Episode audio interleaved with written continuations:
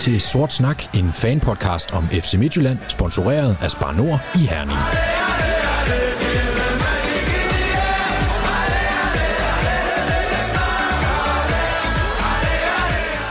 Velkommen til Sort Snak, fanpodcasten om hele regionens hold og fortsat Danmarks lokomotiv i Europa, FC Midtjylland. Mit navn er Thomas Skov Jacobsen, og her får du en lille opdatering på de seneste uger i FC Midtjylland, samt en lille status inden de sidste hektiske dage og timer i transfervinduet, inden den store markedsplads lukker på tirsdag til midnat. I dagens udsendelse har jeg selskab af to særdeles gavede gutter i Sort Snak regi, nemlig Kent Nielsen og Peter Krog. Velkommen til. Tak for det. Tak. Peter, du er på træningsbanen i dag. Hvordan synes du, vi ser ud her omtrent halvvejs i opstarten inden forårets første betydende kamp? Jamen, jeg synes, det er lidt svært at bedømme øh, på dagens træning, hvor vi står henne øh, inden, øh, inden opstarten. Det var, det var en, en gang... Det var en gang presfodbold, der var uden, øh, uden at der blev scores mål, og så var der, øh, blev der trænet angrebsåbninger uden forsvar. Så jeg synes, jeg er svært ved at bedømme, hvor, hvor langt vi er, men, men, men det ser ud som om, at der er nogle ting, der begynder at sidde lidt i skabet. Var der nogle spillere i dag, der skilte sig ud positivt, synes du? Var der nogen, du tænkte, han er varm ham der? Øh, der var i hvert fald et par stykker, hvor jeg tænkte det modsatte, men, øh, men jeg, jeg, jeg synes faktisk, at Pione Sisto, som, som vi vel alle sammen håber på, der snart tager, tager skin i den anden hånd, han så, han så fornuftig ud, og det gjorde Valdemar Byskov faktisk også. Sådan. Hvem tror du bliver forårs positiv overraskelse, hvis du lige skal komme med sådan en, en, en bold, et helt blank gæt her halvvejs ind? Det håber jeg bliver den nier, vi snart henter. Sådan. Kent, øh, Valdemar Byskov Andreasen, han fyldte 18 år i går og fejrede fødselsdagen med at skrive under på den øh, helt traditionelle, sædvanlige femårige kontrakt med FC Midtjylland. Hvad er dine forhåbninger til Valdemar Byskov? Hvor god kan han blive, tror du? Jamen, jeg tror, han, kan, han har sådan sit potentiale til at blive, blive rigtig god. Altså, når man øh, ser ham spille, så har han det her lave tyngdepunkt og det her glidende løb med bolden, som, øh, som man kender fra, altså når man er, jeg lige vil sige vores generation, i hvert fald Peter min generation, så husker man det fra, fra, fra Laudrup-brødrene, ikke? Øh, og han har jo været en, øh, en profil på 19-niveau, øh, hvor han fra sådan en øh, 8 og 10 kantrolle har, har scoret mange mål og har lavet rigtig mange assists. Og, og når man kigger på ham lidt, øh, det datamæssigt, så kan man sige, at han måske afslutningsmæssigt er lige lidt for glad for at sparke øh, langt udefra, men han har faktisk rigtig gode afslutningsevner. Øh, faktisk så rammer han på, på U19 på de data, man har i Vejskav på ham, så han rammer målet på 60% af sine øh, afslutninger, og har en konverteringsrate på 1,7, det vil sige, at han scorer 1,7 gange flere mål, end hans øh, XG tilsiger og, og begge de her, det, det er faktisk meget, meget højt, øh, og, og bedre end for eksempel, hvis vi tager øh, en uh, tidligere Midtjylland-spiller, som jo lige er taget et stort skifte til en, til en lille klub, øh, nemlig Tingsted, der røg til, til Benfica, øh, da han spillede på U19, ikke? Så, så han har, nogle, har vist nogle evner på U19-niveau, som er, er rigtig, rigtig flot, ikke? Øh, og, det, og spørgsmålet er selvfølgelig, om han kan omsætte det til, til voksenfodbold, fordi så, øh, så har vi en rigtig spændende spiller, der kan blive rigtig god. Tror du, vi kommer til at bruge ham i, i foråret? Øh, tror du, vi får ham til at, få ham at se i Superligaen? Ja, det er jeg helt sikker på. Altså, som, øh, som markedet er i øjeblikket, altså hvor der betales de her ekstreme summer for, for potentiale, så er han jo en spiller, der skal køre i stilling til et potentielt salg til næste sommer, hvor han være 19 år. Ikke? Så jeg er ikke i tvivl om, at øh, vi nok skal frem og se. Hvor vigtigt er det her nu? Du, du var inde på det før med positionen. Hvor vigtigt er det, at, at han finder sin rette position nu? Jamen, det er ikke så vigtigt lige nu. Det, der er vigtigt lige nu, det, det er for ham, det er, det er spilleminutterne. Ikke? Men, men jeg, hvis ikke der sker noget på transfermarkedet øh, på vores kantpositioner, så vil jeg jo faktisk i øjeblikket vurdere, at han faktisk nærmest er første valg til at tage Drejers øh, plads, ikke? Fordi øh, de andre, der, der er til den plads, det er Pione, som selvom øh, Kro han siger, han ser god ud til træning, så ser han ser fremtiden midler nok ikke så god ud. Og så er det Aral, og det er Lind og Chili. Øh, altså der, øh, tror jeg bestemt, han kan komme til at spille. Så, så, så, så jeg ser ham faktisk som en, der potentielt kan få en, en helt del starter, hvis ikke der handles på den her øh, kantposition. Og så kan det godt være, at han i virkeligheden skal måske spille 8 på et eller andet tidspunkt, men lige nu er det jo spilleminutterne, der, der er vigtige for ham. Du får også lige sådan en... en... Må jeg supplere lige med ja, noget supplere ind i, Peter. I, i forhold til det, øh, Kent siger med, med spilletid til Valdemar i, i foråret, så vil jeg sige, så, så i, i min bog ligner han også noget mere en, en spiller, der adapterer til det system, vi ligesom skal til at spille her i foråret end, end nogle af de andre spillere, vi nævner. Altså man kan sige, at, at Chile er jo mere en dybde løber end, end Valdemar, som er noget mere venner med bolden i, i det her spil her. Så, så jeg, jeg tror også på, at han får masser af spilletid for. Øh, Kent, du får også lige en øh, sådan en, en helt øh, et helt øh, vildt øh, en helt vild aflevering, som er svær svær at score på her. Hvor mange startpladser kommer Byskov til at have i forårets øh, ja, det der jo meget vel kan blive mere end 17 kampe, kan man sige, ikke? Jo, jo, fordi... Men altså, det er jo, altså, det er jo meget... Øh, det bliver sådan gæt med mange ubekendte, ikke? Fordi en ting er, øh, sker der noget, bliver han noget ind på kantpositionerne. Det tyder det ikke på lige nu. Øh, og så handler det om, om han griber chancen, når han får, får den. Men altså, jeg kan godt se, et, jeg kan godt se scenarier, hvor han faktisk ender med at være, være fast øh, starter, ikke? Og, og, og, så jeg vil gætte på, så svinger det lidt lungt. Jeg siger, der siger, at han får 10 ud af 17 starter. Og det var mange. Nå, fedt. Velkommen til. Tak. Are you ready? Yes, sir. Are you ready? Yeah. Are you ready? Yeah. Let's go! Vi tager lige et par observationer fra øh, træningsbanen, fordi der har vi nemlig været ude, øh, Peter Krog, du var ude i dag, jeg var der forbi i går og i sidste uge. Peter, hvad, hvad, hvad trænede de derude i dag, og hvordan, hvordan var det at være til, til træning ude i Ikast? Jamen, det var, det var godt. Øh, alle de der mennesker, som man øh, gerne vil se øh, eksistere, altså Svend Grausen og, og dem, der arbejder i den sportslige ledelse, de, er, de findes i virkeligheden, de er derude. Øh, solen skinnede, øh, det var stille vejr, det var, alt det der var, var på plads. Øh, selve træningen øh, var delt op i to. Der var noget, noget presspil, som var med højt humør. Det er noget, i øvrigt noget af det, jeg synes, Kudrat er rigtig, rigtig god til at sætte en stemning til træning, så, så alt foregår i, i højt tempo og, og med godt humør. Og, øh, og der er der ikke ret mange af os, der vil følge med i mange minutter på det, på det de kørte der. Det, det så rigtig, rigtig godt ud. Og så øh, kørte man, øh, i den anden halvdel af træningen, der kørte man angrebsåbninger. Øh, det gjorde man faktisk i begge ender i, i, i forskellige konstellationer, men, men, men den samme type øvelse, den samme type skabelon med, med forskellige folk, øh, øh, med masser af afslutninger, eller forsøg på afslutninger, skal vi sige det sådan. Var der nogle spillere, der, der, der skilte sig ud, synes du?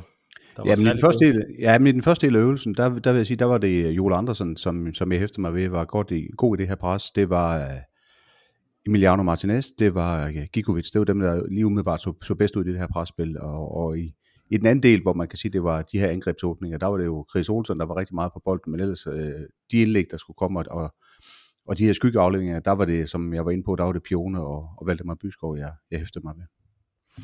Det var, var det koldt derude i, i, i dag? Det var dejligt. Det var, det var, det var, det var virkelig ikke koldt. Det var det ikke. Det var dejligt. pivkoldt, da jeg var derude i går. Det trak simpelthen helt vildt. Er, er du sådan typen, der har sådan en lille termokan med øh, til at stå og varme dig på, eller, eller tager du den sådan hardcore? Øh, jeg plejer ikke over at købe kaffe, men nu har Svend lovet, at der kommer en kaffemaskine derovre, så nu, nu kan det virkelig betale sig at tage til træning. I går, øh, da jeg var ude se dem, der spillede de unge mod øh, gamle i sådan et øh, indlægsflugtspil til sidst, hvor de, de unge selvfølgelig tabte og, og skulle servere frokosten for øh, de gamle, men der var gode scoringer fra Gigovic, Kabar, Lind og Heiselberg undervejs blandt andet. Tror I, de her to sidstnævnte, de to unge her, Lind og øh, Frederik Heiselberg, tror jeg, de kommer til at spille på, på første hold i foråret? Altså, jeg tror i hvert fald, man kan sige med, hvis vi tager Heiselberg først, så har man jo hentet ham hjem før tid fra Fredericia. Øh, så- og det gør man ikke, medmindre han kommer til at spille, så giver det ikke mening øh, at hente ham hjem. Så vi må gå ud fra, at øh, man har planer om, at han skal være ligesom... Øh, han bliver nok ikke første angriber, skal vi ikke regne med den der nier, som en krog, han snakker om, han kommer på et tidspunkt, men øh, han bliver ham, der ligesom skal tage nogle øh, minutter her og der, og, og sådan noget. Så, så jeg tror, at, at Heiselberg skal vi nok få, få se i sådan en øh, afløser øh, roller. Øh, Lind er lidt øh, mere, han skal nok få nogle minutter også, fordi han spiller en position som på de her kanterne, øh, og så handler det om, at han griber chancen, som jeg sagde før, med, øh, da vi snakker om, om Valdemar Byskov, så er der jo så er der nogen, der skal tage chancen der. Hvis ikke det bliver købt ind, så er der en fri position der, og der er en eller anden af de unge, der skal gribe chancen. Men om det bliver Byskov, eller Lind, eller Aral, der gør det, eller Chili, ja, ja det, det ved jeg ikke. Det, det, det, det er lidt op til dem selv. Hvem er det? Forhåbentlig er det en af dem, der griber det, for jeg tror, det er nødvendigt. Den er op for grabs, som man siger på nudansk. Peter, øh, hvad mener du? Tror du, de unge får øh, spilletid på, på holdet her i foråret? Ja, det er ikke i tvivl om, de gør. Altså, spørgsmålet er, hvor meget spilletid de får, men, men det bliver til indhop, det er helt sikkert, og der, og der bliver også indhop til dem alle sammen, og, og som Kent siger, så er det et spørgsmål om, om de, øh, de griber chancen, når de får den. Øh, og man kan sige, det er jo, den der udviklingskurve, der har vi jo set med Tingsted, det er jo svært at spå om, hvornår det er, de, de, de løfter sig, de der spillere der, men vi kan da håbe, de griber chancen her i foråret, for vi har brug for det. Vi skal lige vende øh, Junior Bromado også, fordi øh, det er noget af en, en, en solstrålehistorie, hvis man kan sige det, øh, om en skadet spiller. Han er tilbage i træning, selvom han blev varslet ude et år efter skaden i Brøndby den 29. august, der var Albert Cabellas første kamp. Øh, nu forventes han klar til at spille træningskampe i Portugal. Øh, det, han er sådan nærmest øh, fem måneder før øh, foran øh, schedule på, øh, på sin øh, genoptræning her. Alle bylletinger fra FC Midtland går på, at han har været super seriøs i genoptræningen. Han har haft øh, personlig fysioterapeut på hjemme i Brasilien, og han er kommet tilbage efter nytår i sit livsform. Jeg ved ikke, så du ham derude i, i dag, Peter? Ja, det gjorde jeg, men han var ikke med i de her, øh, de her øvelser, jeg snakker om. Det var med fyserne, og så øh, fortalte han vidigheder, på, som en del af det portugisiske publikum synes var meget sjov. Men, det var egentlig det, der foregik for ham i dag. Du grinede garanteret med. Bare for Ja, ja. at gøre. Jo, medløb er man jo. Øh, Ellers ville han jo sige det til Evander, at jeg ikke grinede. Jo, Synes du ikke, han ser tynd og fit ud? jo han så skarp ud, det, det gjorde han. han. øh, Han løb jo lidt med fyserne og spillede lidt bold, og det, det så fint ud. Det gjorde han. Hvilke forventninger kan vi, kan vi tillade sig at, at, at ligge på Bromado sådan her, måske ikke i foråret, men det næste halve år her? Hvad, hvad, hvad tror I? Altså, det, er jo, det er jo nu eller aldrig for Bromado, ikke øh, Kent? Jo, og, og, og, jeg må desværre sige, at jeg, jeg er ikke øh, uh, Bromado-optimist. Altså, jeg har, jeg har ikke rigtig nogen forventninger til ham, fordi jeg synes, at historikken viser, at han bliver skadet konstant, og det er kun i de her korte glimt, vi, at han ligesom får ramt det her niveau, som han har potentiale til, og som vi jo kan se, når vi, altså han har hele pakken på mange niveauer, ikke? Men, men det er bare gået så galt for ham så mange gange, så jeg, jeg har svært ved at, at svinge mig op til at være en helt stor optimist. Det, det lyder jo rigtig, rigtig godt, det I øh, fortæller, hvordan han ser ud, og, og alle de ting, ikke? Men, men det er jo ikke, øh, altså det er jo ikke fordi, vi har efter hans indstillinger og ting, jeg før, det er jo fordi, at hans øh, krop ligesom går i stykker på alle mulige mærkelige måder, ikke? Altså, så, så, så jeg, jeg tror, det er bonus, hvis øh, altså, vi får frem. Jeg håber, øh, men, men, øh, men jeg, er ikke, øh, jeg er ikke optimist på ham. Det er ikke en af dem, jeg ligesom tæller med i, øh, i ligningen lige, øh, lige nu her i hvert fald. Altså den sidste skade, han havde her, har selvfølgelig taget lang tid, øh, men det var jo ikke øh, egentlig hans krop som sådan. Det var jo en vridskade, hvor han trådte forkert. Så, så man kan sige, det er jo en skade, der kan i princippet ske for de fleste. Men, øh, men bortset fra det, så vil jeg da også sige, at øh, han skal gribe chancen, og jeg tror egentlig, at, øh, at det vi kommer til at se til ham her i foråret, bliver lidt på samme præmisse som, som Heiselberg og, og hvad de ellers hedder. Fordi en, en, en skade af den der type, inden man er i topform og inden man er i kamptræning, jamen så, så hedder det sommerferie for hans vedkommende. Så jeg, jeg tror, det bliver sporadisk, det vi kommer til at se ham her i foråret. Det, det er mit bud på det i hvert fald. Men, men hvis de alligevel mener, at han er klar til at spille øh, i en af de her testkampe nede i Portugal i starten af februar, så, så skal han vel ikke bruge fire måneder på at spille sig i, i form, eller tre? Nej, men vi har ikke rigtig plads til at spille ham i form, i hvert fald i Superligaen, så da, han skal gribe chancen i hvert fald ret hurtigt. Jo, men jeg tror også, han kommer til at indgå i rotationen. Ikke? Hvis vi tænker, det håber vi alle sammen, der kommer den her nier. Øh, og så bliver det Bromado og Heiselberg, som er reservespilleren, der er ikke afløseren, som får nogle minutter. Og vi har jo også, nu brugte Bo jo øh, Brumado på kanten til, til sidste også, ikke? så der har han også en mulighed for at komme ind, for der er også en plads der er op for grabs. Ikke? Så alt efter, hvem der gør det godt, hvorhen, ikke? Så, så han skal nok få nogle minutter, hvis, øh, hvis han er altså fit. Og så er det op til ham selv at vise det. Men hvis, altså, det er fordi, jeg, jeg stod derude og, og tænkte lidt, øh, vi ved jo, det, det er i hvert fald det, de har givet udtryk for, at klubben har haft stor tiltro til, til Bromado, ikke? Tror I, hvis Bromado havde været længere fremme i, i genoptræning her, at vi, at vi ville være i markedet efter en nier på samme måde, som de siger, vi er nu? Altså, så har vi Bromado, Kabar, Lind, Heiselberg og, og Juan Moreno, som, som jeg så ikke har set. Han var ikke med til træning i går, tror jeg nok. Jeg så ham i hvert fald ikke. Øh, det er jo sådan set rimelig mange til en plads, kan man sige. Selvom, selvom det er to unge. Per- personligt ser jeg ikke rigtig øh, Lind og Bromado som, som decideret nier. Altså, de spiller jo lige så ofte på kanten, og, og, og Lind har jo i ungdomsfodbold vist, at han er en rigtig dygtig afslutter, og, og han startede jo egentlig også meget godt, da han uh, fik indhop på, på Superliga-holdet, men jeg synes, at der har været langt mellem snapsene på det sidste. Og det samme med Brumado, jeg ser ham ikke som en naturlig afslutter. Der, der vil jeg sige, at både Moreno og Heiselberg ser for mig ud til at være mere rendyrket nier, end, end de to andre. Og så må vi også gå ud fra, at øh, Kabar, altså ham har man ligesom mistet øh, tilliden til, ikke? at øh, må ikke man, man satser på, at han øh, om en uge er, er væk, øh, og så, så står du tilbage uden, øh, så kommer der selvfølgelig en, håbet er, at der kommer en ny nier ind, ikke, kan man sige, men øh, du bliver nødt til at have noget til at, at, at dække ind, øh, så jeg, så jeg synes også, jeg tror ikke, øh, Brumado, han, øh, det har ikke betydet noget, om han har været helt fedt i forhold til ens jagt på 9. Vi har, vi, han, Brumado er heller ikke en proven goalscorer, ikke? og vi har mistet så mange mål i drejer, og Evander ikke, vi skal have nogle mål ind på holdet, altså mål, det er point, og det mangler vi i den grad på holdet i øjeblikket. Godt. Peter, du, øh, du fangede øh, Valdemar Byskov til en, en lille øh, sludder øh, på øh, sidelinjen efter dagens træning, og øh, det lille interview, det får vi lige her. Valdemar, du er lige blevet færdig med træning. Hvordan var det i dag? Det var, det var en god træning. Det var en kamp, eller en træning, der så frem mod kampen i morgen. Der var en del skabalontræning uh, med henblik på kampen i morgen. Ja, det var der. Synes du, den er ved at sidde i skabet? Ja, jeg synes, vi begynder at nå hen til et sted, hvor vi føler os komfortable i, i tingene. Nå frem til nogle afslutninger osv. Ja, præcis. Lige nok. Og så i øvrigt, tillykke med fødselsdagen. Du er lige fyldt 18. Har du fået kørekort? Ja, jeg har så. Jeg har også fået bil. Ja, tillykke med det. Og du har også fået noget andet. Du har fået en femårs kontrakt med FC Midtjylland. Det har jeg. Det har jeg i hvert fald. Hvad regner du med at udrette i den periode? Jeg håber på at komme tættere på en masse minutter. Helt Ja. klart. Så de, de der øje er på en start 11. Det håber jeg på i hvert fald. Det er det, jeg sigter efter. Det sigter vi også efter. Så er der på de forskellige fanforer, der er der altid rigtig meget diskussion om, hvor din øh, bedste position er. Nogen byder ind med en 8, og nogen siger en 10, og andre siger kant. Hvad siger du selv? Øh, jeg ved faktisk ikke helt, jeg er aldrig splittet. Øh, jeg kan godt lide at ligge i mellemrummet, men, øh, men jeg synes, det er sjovt at ligge længere op på banen. Øh, ja, det synes jeg. Du gerne være med til at afslutte. Ja, det vil jeg gerne. Så skal vi have en lille status på øh, transfermarkedet. Vi nærmer os øh, deadline, men altså, øh, selvom det allerede er tirsdag til midnat, så kan der nå at ske rigtig mange ting. De fleste handler sker vist her på, på de aller sidste dage i transfervinduet alligevel, så øh, det håber vi også sker i Midtjylland. Øh, hvor mange mangler vi at få ind, øh, Peter? Vi mangler to. øh, Jeg så gerne tre, det, det må jeg sige. Men, men som jeg hørte, så, så lyder det som om, at det er en, øh, en 8 og en 9, der er, er det, man satser på, at der skal komme ind det er åbenlyst, at, at vi går efter de her to spillere. Det, det er der jo ikke nogen tvivl om, at, at, øh, at det er også det, klubben har, har meldt ud. Men altså, øh, er det også der, du ser det, det største behov? Du er ude efter en tredje også. Hvor skal han spille hen? Jamen, jeg kunne godt tænke mig, at der kom noget... Øh, jeg kunne godt tænke mig, at der kom noget mere kvalitet på kanten.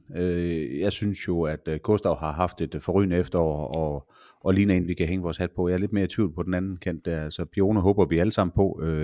Valdemar Byskov handler, håber vi alle sammen på. Øh, Jeg kunne måske godt tænke mig en, en gut mere af, af en vis kaliber der. Hvad siger du, Kent? Jamen altså i forhold til, til kanten, så, så, altså, så synes jeg, vi har, som vi nævnte før, vi, vi har så mange spillere der. Så øh, jeg, jeg tror måske også, at man vil, øh, altså igen Pione, jeg er heller ikke sikker på, at man tror på længere, ikke? og lige også en mand, der er på vej øh, væk på den ene eller anden måde. Ikke?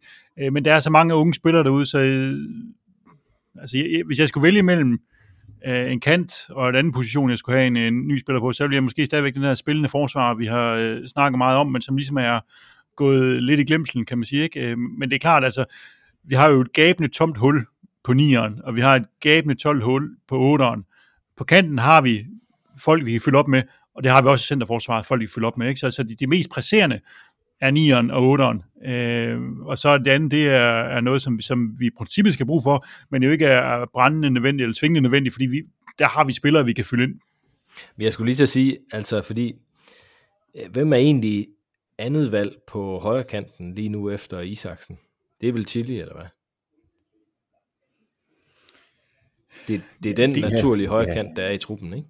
Altså, Ja, det, altså det er, det, det, er den der flok spillere, som jeg også nævnte tidligere, ikke, som jo kan, kan spille de der kantpositioner. Men nogle gange så er det et spørgsmål, om man kører med indadvendte eller udadvendte kanter, ikke? om de skal have altså, det rigtige ben med og sådan noget. Ikke? Øh, så der er jo nogle, nogle folk, der kan spille på de der kanter. Men- Men, men, men Men det, altså, det ligger ligesom i luften, at Isaksen han skal sælges til sommer, ikke? det kan vi godt uh, blive enige om. Er det ikke sådan der, at øh, det, det lægger vi lidt op til, og så har han halvandet år tilbage af kontrakten. Det kom frem i dag, at den gik til 2025 og ikke 24, som, som der ellers har fremgået rundt omkring. At hvis vi skulle være aktive og ikke allerede til sommer skulle hente en ind, der skulle gå direkte ind i start 11'eren, i stedet for Gustav Isaksen, så skulle vi jo hente den kant nu. Ja, jo, er eller, udvikle, eller udvikle ham jo. Altså, fordi det er også det, hvis du vil give spilletid til de unge, så kan der også mulighed for, at de kan slå til. Fordi det kan være, at, at ham, der skal erstatte Isaksen, det er Byskov. Ikke? Altså, eller det kan være, det er Aral, eller det kan være, det er... Altså, så det er jo også noget med at give spilletid til nogle af dem, som øh, Men- potentielt kan udvikle sig ind i rollen, ikke? så vi ikke køber os til det hele. Men det er, ikke, det, det er klart, det argumenterer heller ikke for, men, men både Aral og Byskov, det er jo ikke deres naturlige position i højre side. Er, er de ikke mere venstre, midt, venstre kant spillere, Peter? jeg tror, at Ral kan spille i begge sider, men ellers vil jeg give dig ret i, at uh, Byskov er nok mere venstre end højre. Det bliver spændende at se, hvad vi gør der. Du var inde på det, kendt. Øh, Jeg synes jo også, vi og mange sådan ægte eksperter øh, i efteråret talte rigtig meget om behovet for at få en boldbesiden, eller hvad hedder det, boldspillende midterforsvar ind, der kan aflevere frem i banen. Det er ikke boldbesiddelse, men, men boldspillende midterforsvar, vi har brug for. Øh, har vi glemt det indkøb, eller, eller er det bare fordi, som du siger, Kent, at der er vigtigere ting, og, og vi skal have ned fra hylderne, inden vi kommer dertil øh, lige nu? Jeg synes, det var en stor ting i løbet af efteråret, at vi simpelthen ikke kunne spille den videre fra vores to midterforsvar op ad banen. Ja, men det, det er enig med det. Jeg tror, det er lidt, der er to ting i det. For det første, så er der andre ting, der, der er højere på listen, som vi snakker om. Og for det andet, så når man kigger på det, og hvis man går ind og kigger på vores trup i øjeblikket, så har vi som et levn fra, fra Bo's tid, så har vi simpelthen for mange centerforsvar i truppen. Ikke? Altså hvis vi kigger på det, så har vi Erik, vi har Dalsgaard, vi har Juninho, vi har Gardenman, vi har Pontus Texel, vi har Pablo Ortiz i truppen lige nu, og så kan Dør også spille øh, centerforsvar. Ikke? Så vi har i virkeligheden syv spillere, der kan spille derinde til to pladser. Det er jo øh, mindst to for meget. Øh, så, så, så ligesom at fylde en ny spiller oven på det, altså det er måske også lige øh, voldsomt nok, ikke? Men, så det handler om, at, at vi skal jo af med nogen, før der kan komme, komme nogen ind i virkeligheden. Men hvor, og så kan man sige, sådan en spillende midterforsvar er måske også øh, nemmere at drømme om, end han er rent faktisk at kaste, fordi de, de er jo ikke, det er jo ikke dem, der hænger på træerne. Det er jo ikke sådan, at man bare kan dreje hovedet og så sige, der er en to-tre stykker her, vi kunne tænke os. Øh, så det er også et spørgsmål om at, at, at finde ham. Men jeg skulle lige til at sige, altså det hjælper ikke noget, at man har mange hammer, hvis man skal bruge en sav, havde jeg nær sagt. Altså det, det, vi, vi skal vel så have solgt nogle af de midterforsvarer, så vi kan komme lidt videre og udvikle holdet i den retning, vi gerne vil hvis vi er enige om, at det er det, vi har brug for. At det kan jo ikke hjælpe noget, at vi bare siger, om vi har kontrakt med dem her til 2026. Ja, ja, men det kan jo godt tænkes, at man i, sådan i, i trupplanlægningen har sagt, at vi skal af med nogle af de her først, men altså, det er, er anden prioritet lige nu, og det er noget, vi, vi skifter til sommer. Jeg kan huske, da jeg snakkede med, med Steinlein efter sommertransvinduet lukkede, hvor vi diskuterede også det her med en spillende midterforsvar, ikke? hvor han jo sagde, at, at øh, øh, Capellas har sagt til ham, jamen bare find nogen, der kan forsvare, så skal jeg nok lære dem at, at spille. Ikke? Øh, så det kan godt være, at man har en tiltro til, at man, øh, at man med dem, man har, kan, kan, kan lære dem, og hvis man får nogle, øh, altså ligesom Martinez og Gigovic og Olsen får nogle, nogle flere punkter ned, man kan ramme, altså, så kan man øh, ligesom afhjælpe nogle af de problemer, der er, men jeg, men jeg synes, det er rigtigt, for det er jo noget af det, vi snakker allermest om i foråret, eller i efteråret, at det der med at få den spillet op, altså vi kunne ikke spille ud af fase 1, det kunne vi ikke finde ud af. Øh, og, og, og, hvis ikke det bliver løst, så, ja, så ser det skidt ud igen i foråret, eller efteråret. Foråret. En af de spillere, vi, øh, der stadigvæk spørger, øh, som jo har været på, øh, på rygtebasis øh, på vej til Midtjylland lige siden øh, 1. januar stort set, Georgios Giacomakis, den græske angriber i Celtic. Øh, altså det jeg hørte sådan i går på vandrørene, det var, at den, den var ikke udelukket endnu, og jeg kan også læse, jeg tror det var tipsbladet, der havde noget i løbet af i dag. Det kan jo være den her, det vi taler om nu, det kan være forældet allerede i morgen, men øh, lad os nu se. Hvad, øh, hvad mener I egentlig om, om den? Jeg tror ikke, jeg har hørt din øh, holdning, Peter, til sådan en, en 28-årig, øh, forholdsvis dyr, øh, færdigudviklet spiller, som, som kommer hertil for at lave mål. Hvad, hvad, hvad synes du om det? Ja, men du har vel ikke hørt min mening ud over, at vi lige snakker om det i telefonen i formiddag? Nej, jeg fik et, lige et kort, et, et kort oprids. Ja. Ja. ja, men jeg synes jo, at det er, det, jeg synes, det er fint, at vi får en nier ind, der kan, der kan lave nogle mål, og øh, jeg er næsten ligeglad med, hvor gammel han er. Øh, jeg er ikke helt ligeglad med, hvad han koster, men jeg synes, det er vigtigt, at vi får en ind, som er garant for mål, og en, vi kan, en, vi kan regne med. Øh, vi er i en situation, hvor vi mangler mål. Kendt var inde på det, ikke også? Altså, vi har solgt de to mest scorende spillere, øh, som vi havde i efteråret. Øh, så vi kommer til at mangle en, der ved, hvor målet står. Og der synes jeg jo, ham grækeren her, som det jeg har set på ham, øh, der, der ligner han en, en Duncan-type, der, der nærmest ikke kan ramme ved siden af målet. Så, så på en eller anden måde, så kan man sige, det kan sagtens være, det er ham, vi mangler. Det er i hvert fald en type, som ham, vi mangler. En ny Duncan. Hvad, hvad, hvad siger du, øh, Kent? Er det, er det lige ned af din ærlig alley at få sådan en, øh, en target man indkøbt udefra? Ja, jeg vil i hvert fald gerne have nogle øh, mål indkøbt udefra, ikke? Og, øh, og så kan man godt diskutere det med at sige, hvad, altså, hvor gammel og hvor ung, og meget videresalgspotentiale skal man have, fordi det er klart, ham her, han også med den motivation, han, altså, det er jo lidt tydeligt, at i øjeblikket, så går han efter at få den store løncheck, ikke? Det er ligesom det, der, der motiverer ham. Så skal han til Japan, så skal han til USA, han også godt blive i Europa. Det er noget med, at han skal have nogle flere nuller. Det er derfor, at han, han gerne vil væk fra Celtic, det er for at få en større løn. Og så kan man godt sige, øh, er det, er det en, der kommer med den motivation, vi skal, vi skal have ind? Øhm, men altså mål, det er det fodboldkampe handler om, og mål er lige med point, og det har vi behov for. Øh, så vi har brug for en, der kan gøre det. Ikke? Og, og, og derfor så er jeg egentlig også øh, villig til at, til at sige, at jeg synes, det er fint nok, at man, øh, at man, man satser noget her. Øh, hvis man skal være lidt, det kan vi komme ind på, øh, hvis, øh, hvis vi så signer ham, så vil vi godt kigge lidt nærmere ned data på ham, men det jeg har kigget på ham, så ser han jo statsmæssigt rigtig god ud, men det er primært de sidste par sæsoner, han gør det, og, og det er sådan lidt, øh, loren ved, det er, at han har scoret sine mål i ligaer, altså den skotske og den hollandske, der er ikke lige frem er kendt for deres defensive kvaliteter og, og struktur. Ikke? Altså, det er ikke de sværeste ligaer at score mange mål i. Altså, vi har også haft på danskere, der har været topscorer nede i, i Holland og sådan noget. Ikke? Altså, så, så, ja, så, så, det ikke, øh, så, så det der med at kan overføre det her til, øh, til Superligaen, det er, det er jeg spændt på, men, men altså, han ser jo øh, øh, absolut spændende ud, og han, og han scorer tonsvis af mål, ikke? og alle inde i feltet er sådan en rigtig boksspiller, og, og, og det har vi manglet, øh, men det kræver selvfølgelig også, at vi har nogen, der kan levere nogle bolde ind til ham, ikke? Øh, og, og, og, Det er de i gang med at øve sig på derude. det er godt. Øh, Det, det er jo sjovt nok, fordi de, jeg, jeg, jeg, det, den diskussion, jeg gerne vil åbne, det er jo, hvor meget må, vi, hvor meget må de mål koste? Altså, øh, jeg er ikke i tvivl om, at han formentlig vil være en, en, en forstærkning til vores hold.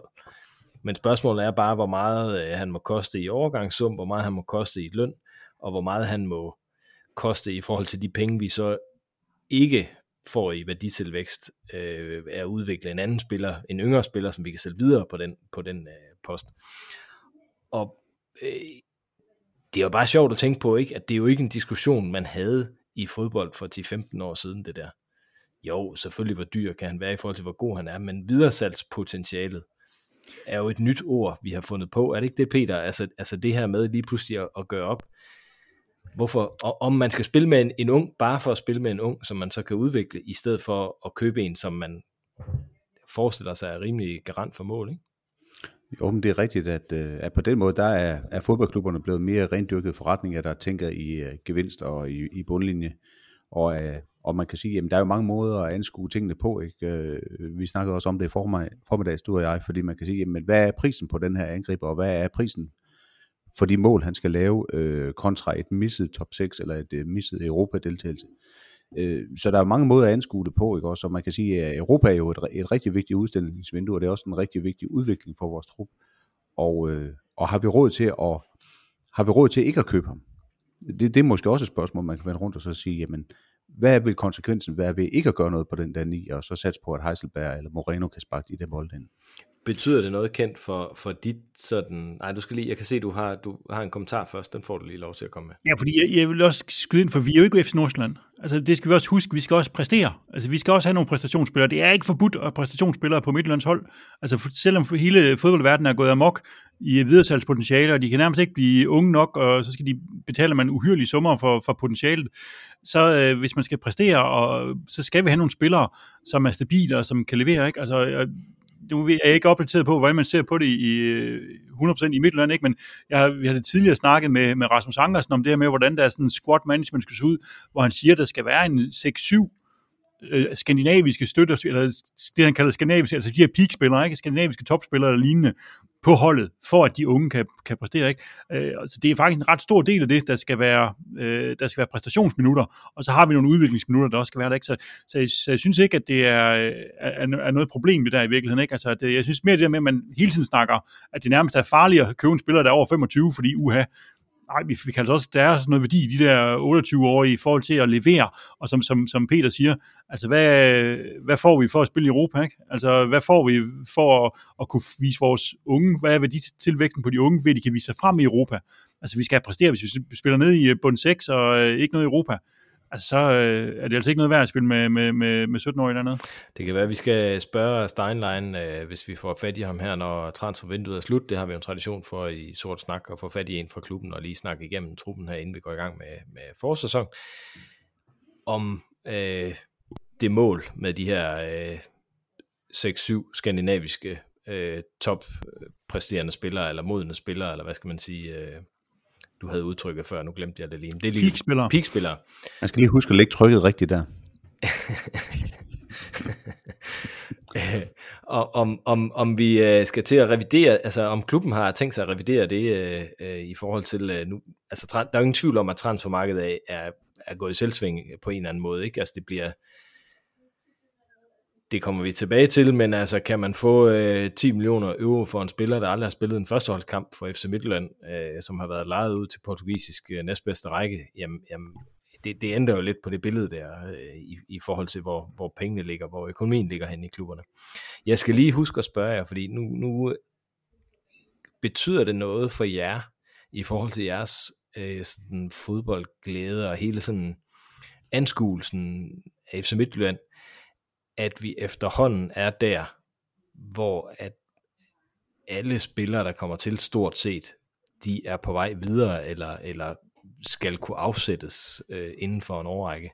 Altså sådan var det jo ikke for 15-20 år siden. Jeg ved, øh, I, I har været med fra starten af. Altså der havde man jo, der, der, der byggede man jo et hold op, i stedet for at snakke om bare videre salg. Peter, betyder det noget? Altså, er du træt af den udvikling? Betyder det noget for dig? Ja, det gør det. Det gør det, altså jeg vil sige, den der, når, når man kigger tilbage, og det behøver egentlig ikke at være ret mange år tilbage, hvor man, man har indtryk af, at, at nogle spillere, det var, det var vores, øh, så kan man sige, så er man mere indtryk af, at de er på gennemrejse nu, og at, øh, og at vi er sådan en stepping stone for at, at komme videre i karrieren. Så på den måde, der, der, der, der betyder det noget for mig. Altså man kan jo sige, jamen, øh, en Jakob Poulsen, en Christian Bakke, de der vi, vi har, har vidst, der ligesom var vores, og de der anfører, der var anfører for vores hold, øh, det, det betyder noget, det, det vil jeg godt sige, det gør det. Og, og der kan man sige, der er Erik jo så også i den båd, det ikke, altså det han er jo også en af dem, som jeg vil sige, det, vi kan hænge vores hat på, men der er ikke mange af dem på vores hold. Hvad, hvad med dig, Kent? Det, det er for meget romantik for dig, er det ikke det? Ja, nej, det, det er sådan lidt en blanding, ikke? Fordi på, på den ene måde, så synes jeg også, det er fedt, når dem, som er, er vores egen, egen drenge, kommer ud og, og præstere og vise sig frem ikke? Øh, på, i større klubber end vores. Ikke? Altså, fordi det der synes jeg også, man skal være bevidst om, at selvom øh, vi måske synes, at øh, det er den fedeste klub i verden, og det, det er det største, ikke? så, så, øh, så er, vi, er vi ikke det, altså i sådan, i sådan objektiv set, ikke? så er der større her går det ud, Ikke? Og det synes jeg også er, er fedt at, at, at, følge dem, der er vores egen. Det er klart, nogle af dem der, som, som bare lige er på gennemrejse, og så smutter igen, ikke? så dem, dem følger man ikke så meget med i, men for eksempel en, en Paulo Noaccio, ikke? så der følger jeg da også lidt med i, hvordan, hvordan går det ham, ikke? fordi det, det er da spændende at se, om han nu får taget det, det der store øh, skridt og sådan noget. Ikke?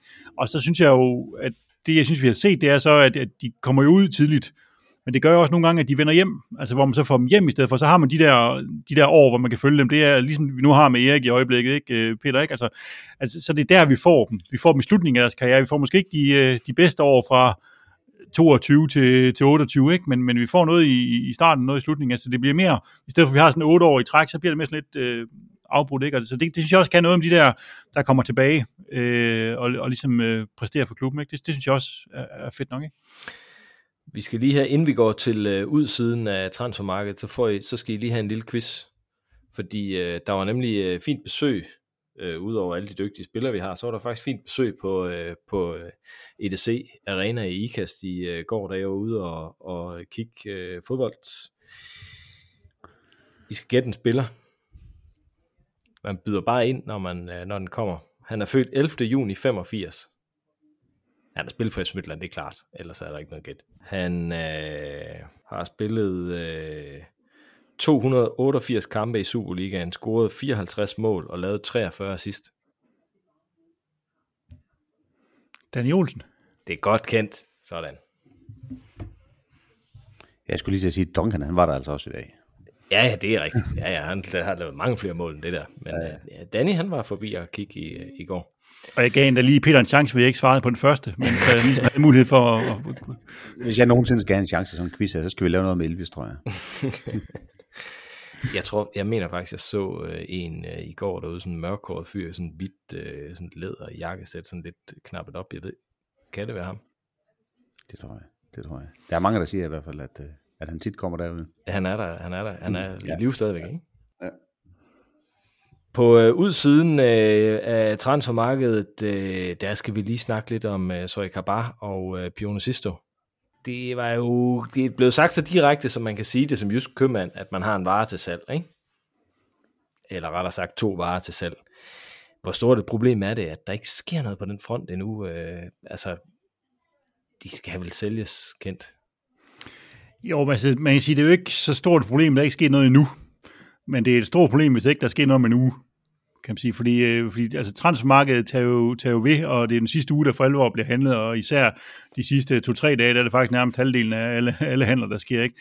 Øh, så, så det er jo klart, at vi skal, altså, alle signaler i sol, målen og stjerne er jo, at de spil, de to satser man ikke på længere, dem vil man gerne af med, og det skal man så selvfølgelig prøve at komme, ikke? Øh, og jeg kan også øh, konstatere, at øh, Kabar begynder at lægge øh, salgsvideoer af ham selv op på, på Twitter, hvor han har fået klippet nogle, nogle mål fra eller sammen, han har scoret på, øh, på, øh, til træning. Ikke? Det er nok Midtjyllands øh, medieafdeling, der har hjulpet ham med det.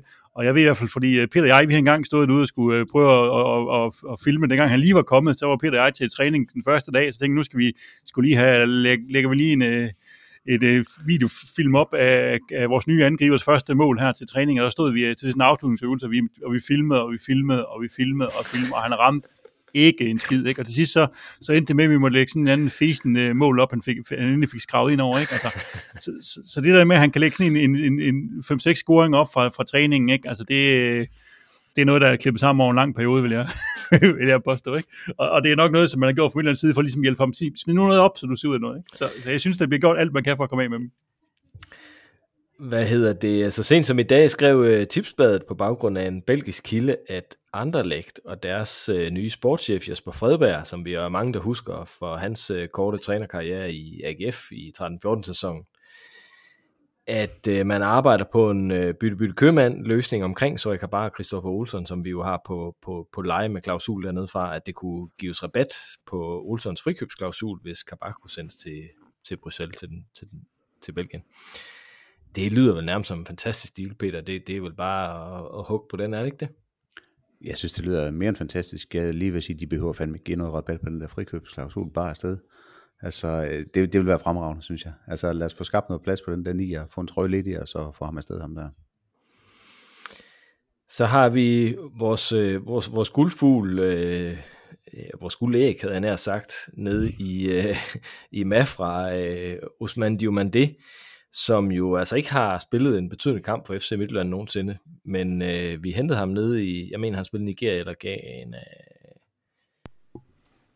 ja, Nigeria eller Ghana. Øh, sidste sommer blev han hentet op, og, øh, og blev så øh, spillet på U19, ikke? Øh, et halvt år, og blev så lejet ud til, til Mafra, og, og de er allerede, øh, der er allerede stor interesse omkring ham, som de fleste ved, der har læst øh, lidt på, øh, på sportssiden de, de, de seneste uger. Øh, Øh, Sporting Lissabon har budt, der er sådan konkrete forhandlinger, lyder det til, øh, der meldes som bud på 7 millioner euro og potentiel interesse fra Arsenal og Manchester City på en spiller fra midten af den portugisiske næstbedste række.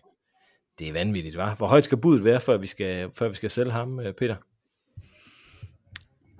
Jamen, det er svært ved at vurdere det. Altså, jeg, jeg så ham øh, spille en halvleg i, i Vildbjerg i sommer, så øh, det er jo svært at bedømme, hvor god han var, men han var i hvert fald øh, massiv og hurtig og så fornuftig ud på bolden og alt det der. Så, så man kan sige, de, de, klubben i tale sætter jo selv, at man har forventet, at han skulle tilbage til, til sommer og så spille øh, direkte i start 11 i næste sæson. Så, så hvad koster sådan en spiller med, med det potentiale og, og noget, man har sat sig på? Han, han, koster vel, øh, han koster vel 10 millioner euro.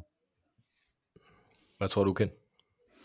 Jamen, det er jo, det er jo i hvert fald det, det er jo det, som de jo har vandrørende siger, ikke? eller som lægger rundt, det er jo de her 10 millioner, man skal ramme for, at han, øh, han ryger, ikke? Og, og, det er jo også, det, som du siger, Thomas, så lyder det jo lidt vanvittigt, ikke? Øh, og, og, og, og jeg er i hvert fald der, derhen, hvor jeg tænker, jamen, take the money and run, ikke? Altså, fordi hvis vi kigger på transfermarkedet, jeg lavede en gang en eller anden opgørelse, hvor jeg kiggede på, på de handler, Midtjylland har lavet over tid, ikke? Altså, og, og der er sådan et, et mønster, der siger, at cirka halvdelen af alle transfers flopper så er der 25 procent, der præsterer som forventet, og så er der 25 procent, der, der præsterer over forventet. Ikke? Øh, og så det vil sige, bare det, at man henter ham hjem fra Mafra og, og tager ham ind her i klubben, altså vi, så er der 50 procent chance for, at han, at han egentlig ikke øh, slår til her hos, hos os. Øh, og hvor meget selv, hvis han, hvis han slår til, altså kan vi så få mere end de her 60, 70, 80 millioner for ham? Altså, det, er jo, det er jo svært, ikke? Så hvis der står nogen nu og betale det, så vil jeg sige øh, selv, selv, selv. Ja, for det ligger jo lidt i det, altså det er jo noget, vi, vi sådan siger øh, øh, tit og ofte, at det er en del af strategien, at de her spillere øh, gerne skal have et år, jeg tror også to år er blevet, blevet nævnt på, på vores første hold, ikke? Inden vi sælger dem videre, fordi vi gerne vil have selvfølgelig kvaliteten på banen, men måske også fordi vi har en tanke om, at de bliver mere, endnu mere værd at spille hos os. Men, men det er jo spørgsmålet om, altså i det transfermarked, vi har nu, hvor alder er, altafgørende. Det er det jo ikke sikkert, at et, et år mere i Superligaen til sådan en spiller, det, det betyder noget godt for prisen. Peter? Det er, jo ikke, det er jo ikke til at vide noget om, hvordan øh, prisudviklingen er. Altså man kan sige, at prisudviklingen generelt har jo også været crazy de sidste par år. Øh, det, der, hvor man måske også gerne vil have noget ud af det, det er jo, det er jo den spilmæssige kvalitet på øh, vores hold, altså i start 11, hvor man kan sige, jamen der, der skal han selvfølgelig være med til at, at løfte kvaliteten i forsvaret og, og på holdet generelt. Og den del, den, den går man jo så glip af. Og så kan man så sige, jamen, vil han tage chancen? Vil han, vil han gribe det, når han fik chancen? Jamen, det kan vi jo ikke vide, hvordan han vil være i, i Superligaen. Jeg synes bare, at alle bølgetinger lyder på, at, øh, og også med de klubber, der ligesom melder sig interesseret, at, at man må se noget, altså de kommer jo ikke for sjov alle de der, så man må se noget, som, som der er noget kvalitet i. Altså jeg, jeg forestiller mig lidt, at, at stryger han nu her i det her vindue, og det tror jeg også, han gør, jamen så bliver det sikkert en spiller, vi kommer til at sidde og holde øje med på diverse forer, øh, ligesom vi gør med Paul, og se, hvordan de gør det i udlandet. Ikke? Men det er klart, at grund til, at Sporting får øje på ham, det er jo, fordi han spiller ned i Portugal. Ikke? Altså, det, og hvis han kommer op og spiller i Danmark, og altså, nu ved vi ikke helt, hvordan det ser ud til os i næste sæson, ikke? men øh, øh, altså, der er en vis risiko, at vi ikke ud og spille europæisk. Øh, og, og, og, hvordan opdager klubberne ham så? Altså, hvordan følger de så med i det? Ikke? Fordi det er jo fordi, han spiller ned i Portugal, og Sporting får øje på ham, og så bliver det interessant, og så er nogle andre, der kigger. Altså, og så, altså, så der er jo også noget med, at øh, der er sådan en window of opportunity, som lige nu, øh, altså, hvor man siger, hvad er, hvad er det, vi risikerer, altså ved ikke at gøre det, ikke? Altså, der er en stor upside lige nu, øh, og, og, og der er en sandsynlighed for, at det, han ikke vil kunne fungere, og, og altså, fodboldmarkedet er jo fyldt med folk, der bliver solgt for dyrt ungt, ikke? Altså, og det kunne han lige så godt ende med at blive en af, som, øh, så, så jeg, vil, jeg vil sige, at i forhold til alle de risici, der er, og så vil jeg også sige, at øh, det her, det vil være en fuldstændig fantastisk case, hvis det her, det kan, hvis det kan lykkes at sælge ham til, til det leje der, ikke? Skal vi øh, lukke øh, transfersnakken ned med øh, den kommentar om øh, Usman Diomande? So you have to sign here. Now we start. We are waiting a long time. the first time. Lørdag eftermiddag var der træningskamp mod St. Pauli på Milan Tour i Hamburg. Og øh, Kent, der var du nede og øh, se. Hvordan var stemningen på øh, det her legendariske stadion i Hamburg? Jamen altså, stemning, altså det var, øh, det var et fedt stadion, og der var jo også øh, 5.700 tilskuere, ikke? men det var ikke sådan, at der var en øh, altså kogende stemning. Nu sad jeg, jeg sad på næstbærste række over på, øh, på den dyre langside, ikke?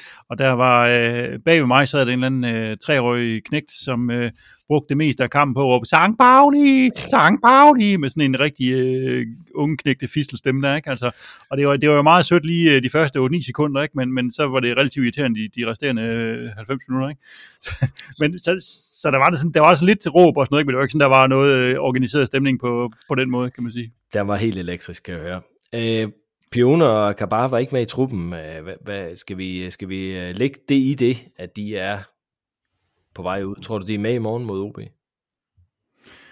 Det vil blive meget overrasket over, hvis de er. Altså, jeg, jeg synes ikke, de der kan tolkes på, øh, på mange andre måder end øh, endnu et vip med en vognstang til de to om, at øh, I indgår ikke i planerne for foråret. Øh, jeg, jeg, jeg har lige med kampen i morgen, der, der synes jeg, at, at dømt ud for dagens træning, kunne Pione meget vel være med i morgen, men jeg tror ikke, kan bare med. Så kunne vi se, at Victor Bak var valgt frem for Nikolas Dyr. Øh, jeg kunne se, at Dyr han, han, han har været småskadet, øh, og det er måske det, der, der, der, der ligger i, øh, i det. Jeg ved ikke, om der kommer andre bulletiner ud om, omkring ham på kampdagen. Gjorde det?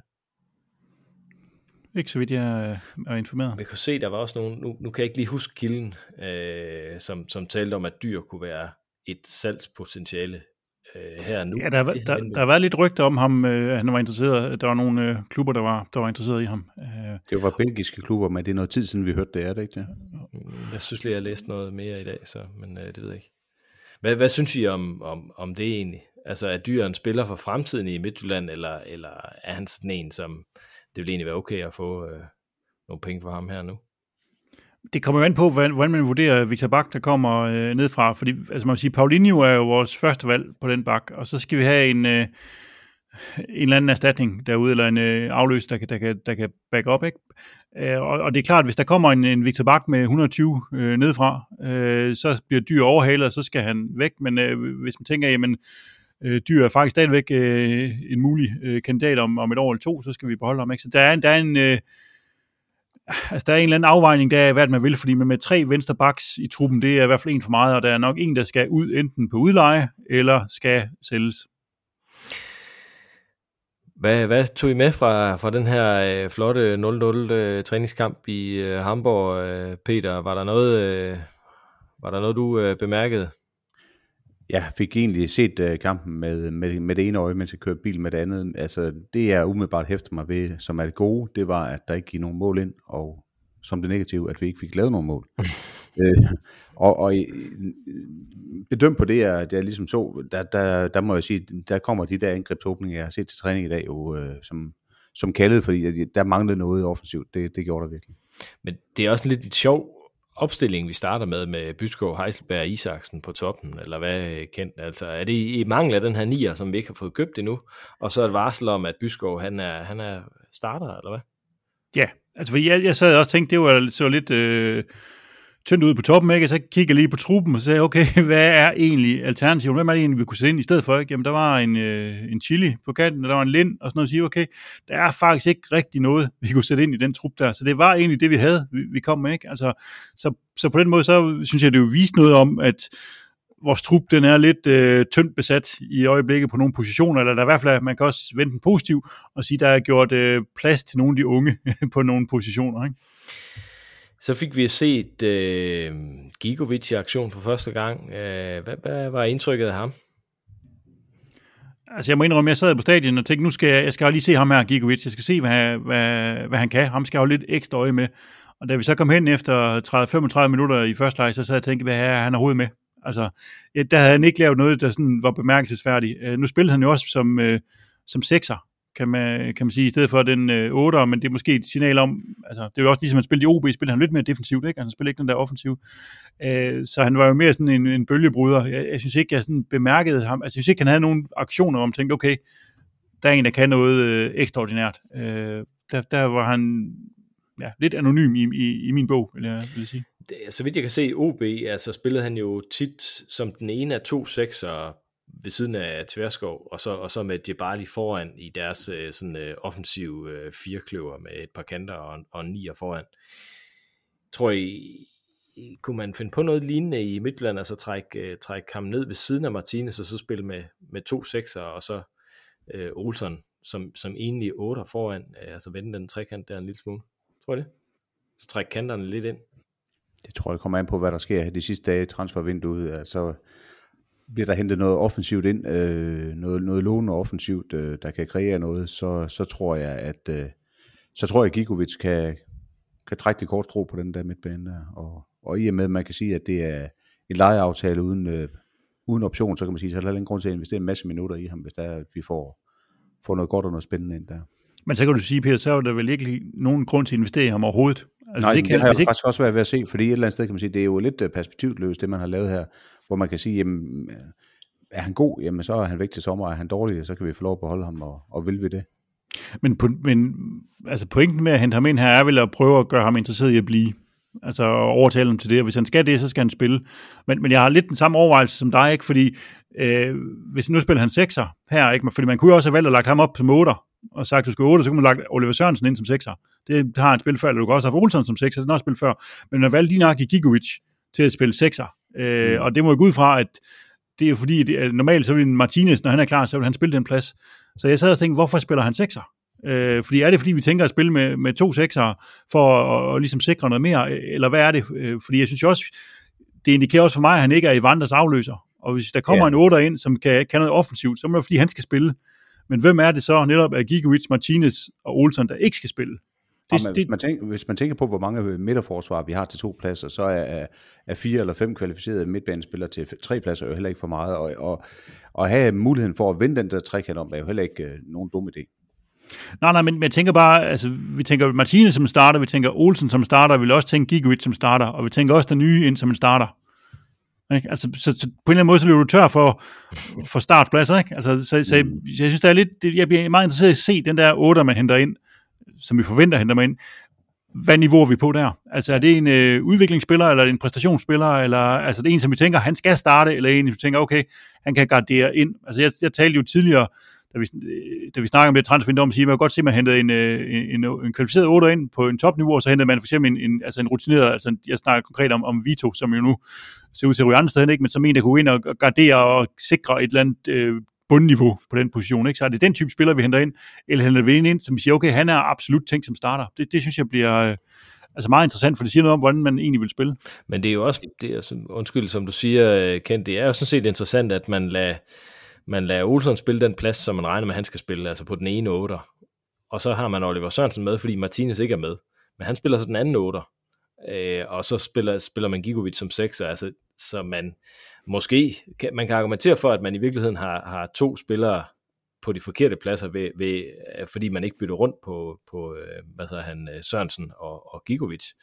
Altså, det kan godt være, at Oliver Sørensen er bedre på 8'eren end på 6'eren, men det er jo egentlig uinteressant i en træningskamp, der vil man vel helst have så mange spillere til at spille de pladser, man Ja. gerne vil have dem til at spille. Det handler Ja, om, at, og det handler også om, at holdet er godt, og ikke Oliver Sørensen er godt. Altså, det handler om at få tingene til at fungere. Det, det, er jo, det er jo den konstellation, de også kan finde ud af, hvad, hvad det er, der virker.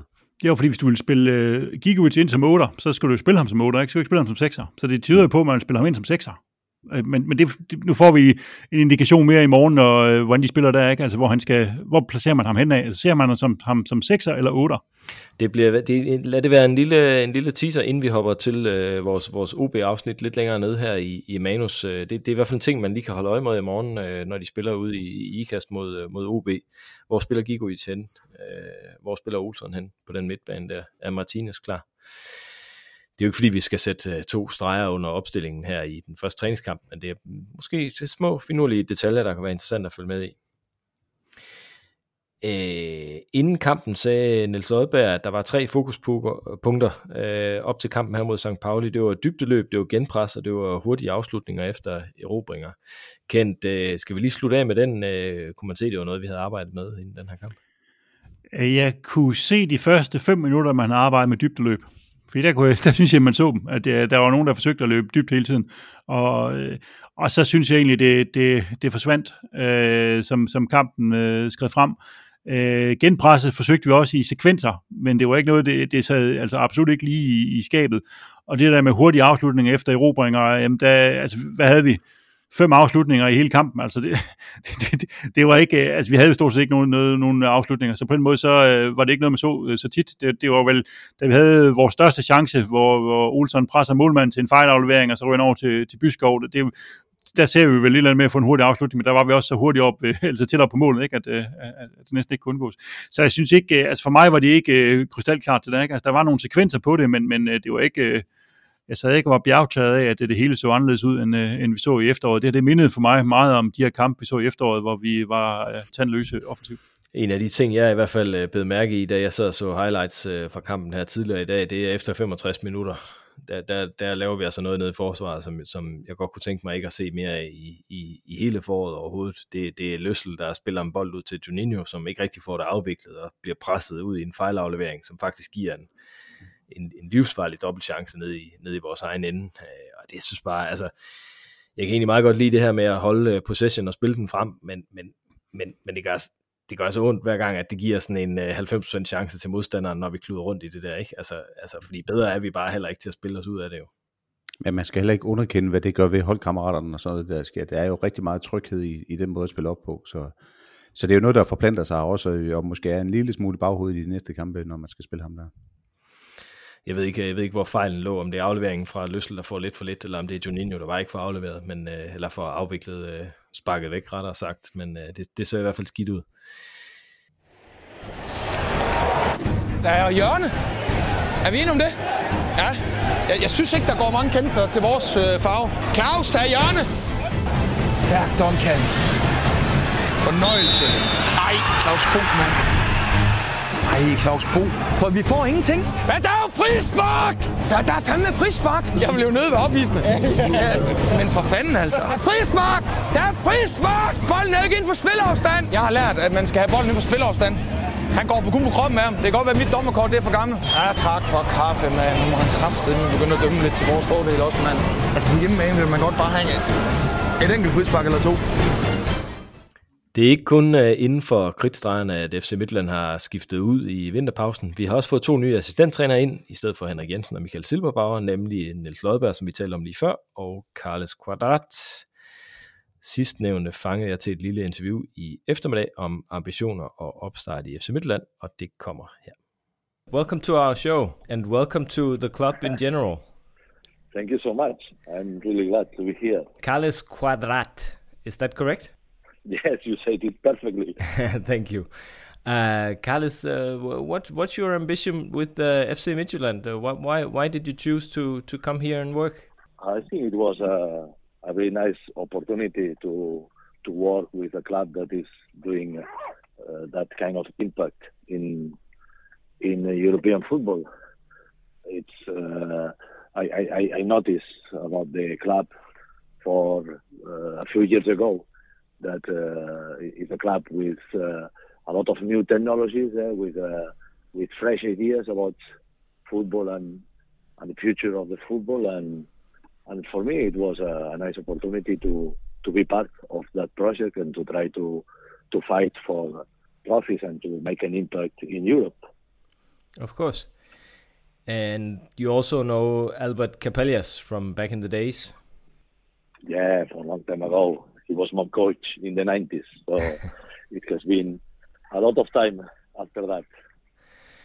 Carles, uh, what's your uh, advantages? What's your forces as a as a coach? Do you think? What's your what's your strengths? Yeah, I think that I can bring some experience to to Midtjylland after my my time working in in European top teams like uh, Barcelona and Galatasaray, or also with uh, with countries that they are really uh, working hard with uh, young talents. No, like it was my experience in in India or in Saudi Arabia.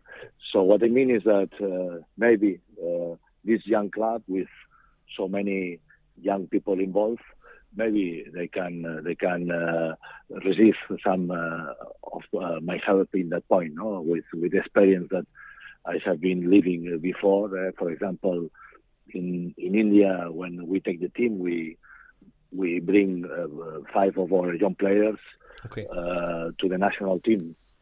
So here also, I, uh, we know that uh, Midtjylland is working a lot with the young talent, and, and maybe that part of the of the job can be interesting. You know, to to to see when is the right moment to give them an opportunity to take care of their progression and to try to to to get us uh, more players of the mm, young teams to the first team. It will be one of the targets that we have in the club. Okay.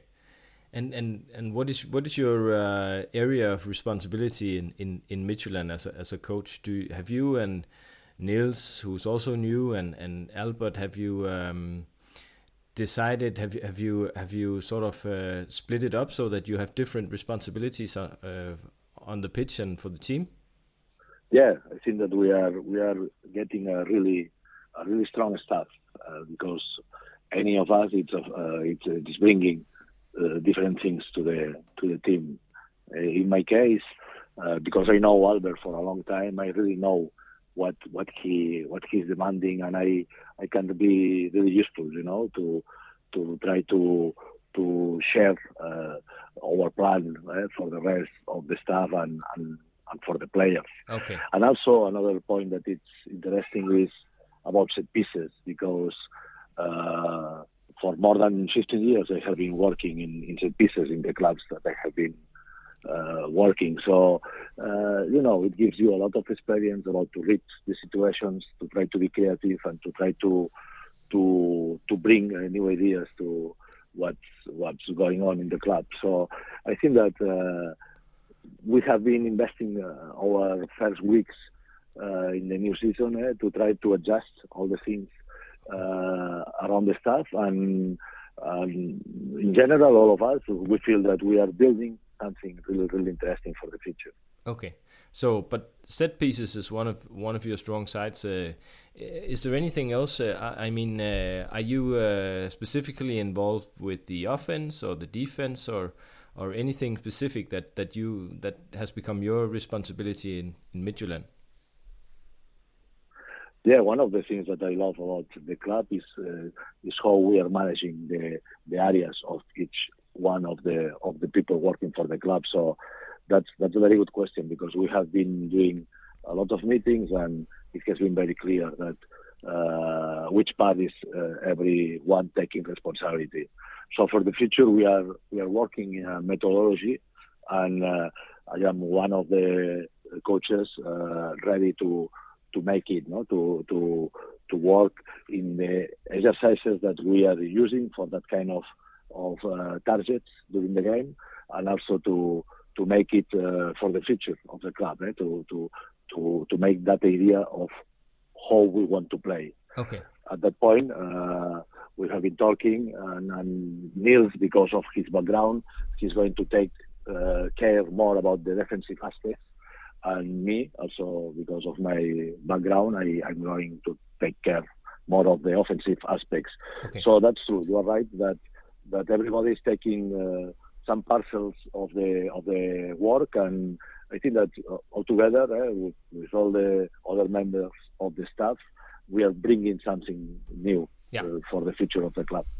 and and for you specifically the offensive part of, of coaching um, do you um, and and also you said that that perhaps some of the things you could be helpful with was to uh, implement some of the new ideas Albert's ideas in, in, in, in the youth teams is that correct it's it's it's mo- more about the the youth teams. What we are meaning is that we are building something about uh, the, the the expression of Midtjylland is is is uh, wishing to play the game. No, it's it's about uh, what what we want to to express as a as a football club, and of course in in that uh, project is very important to give opportunities to the new players coming from the from the young teams.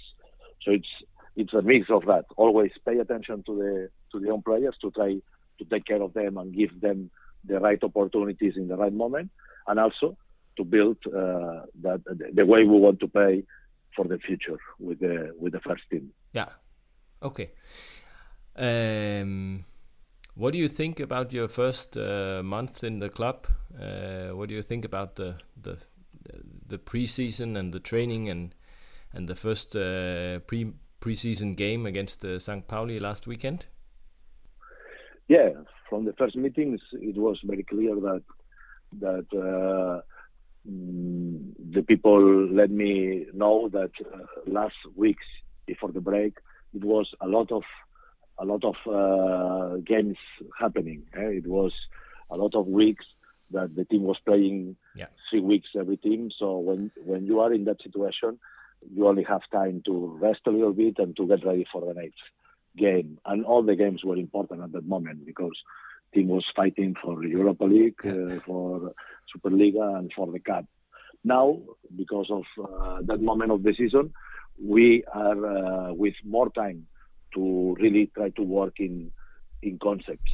So it's what we are doing that uh, now. It's it's it's uh, our uh, work uh, during these weeks. We are um, taking all the things that we want to to make clear to the players, and we are working day by day to to to the ba- to the basics that we want to have in our game. Mhm. So in that in that sense, we are happy with the with the result that we are going uh, we are uh, watching Okay. uh, our players uh, during the game because uh, we, we we have seen that a lot of the things that we have been working in the trainings were were happening against Pauli. So it's good. It's uh, we need some time, of course. eh? Uh, as you know, at the moment of the season, there is players that only can play 45 minutes or 60 minutes. But the good thing is that uh, what we were working in the trainings was was happening in the game. So that's important. Okay, so you're still positive, even though the the offense uh, didn't perhaps play the best game against uh, St. Pauli, or at least didn't didn't. Well, we the output wasn't so good. You can yeah say. we were. Yeah, it, you know, it's it, it, it takes some time to to make things uh, uh, unstable eh, for the players. But uh, the, the first weeks we have been working more in the defensive aspects, and uh, we saw that uh, a team like Sao Pauli that it was ready to start the the league. Uh, they were not uh, create, creating uh, a lot of chances against us. I mean, we were controlling very well the, the defensive part of the game.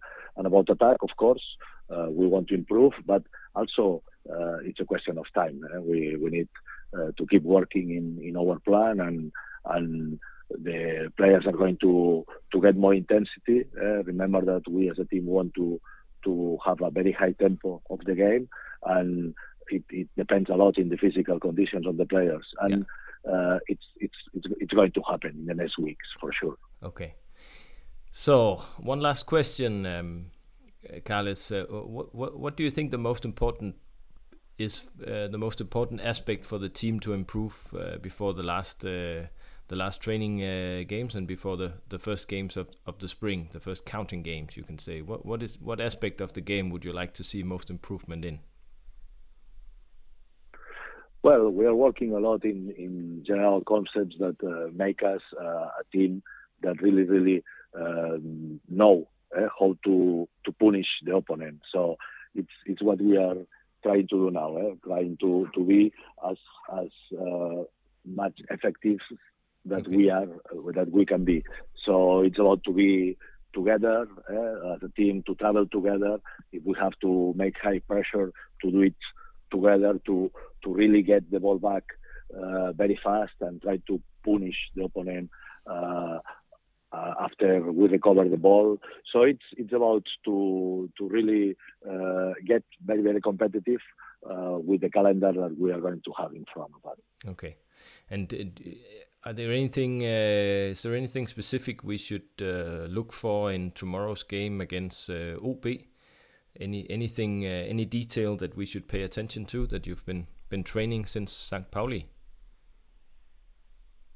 Yeah, yeah, we have been working uh, for a few more days, so there is more things that we expect that that is going to happen. For example, we have been working in, in some more uh, set piece routines so we, we hope that we can practice that during the game, and also about uh, the, the intensity of the game. Eh? If if you see, we we have agreed with Odense to play during more minutes, so we can maybe give 60, 75 minutes to some of the players. So it okay. means that we're going to be more more consistent in the performance.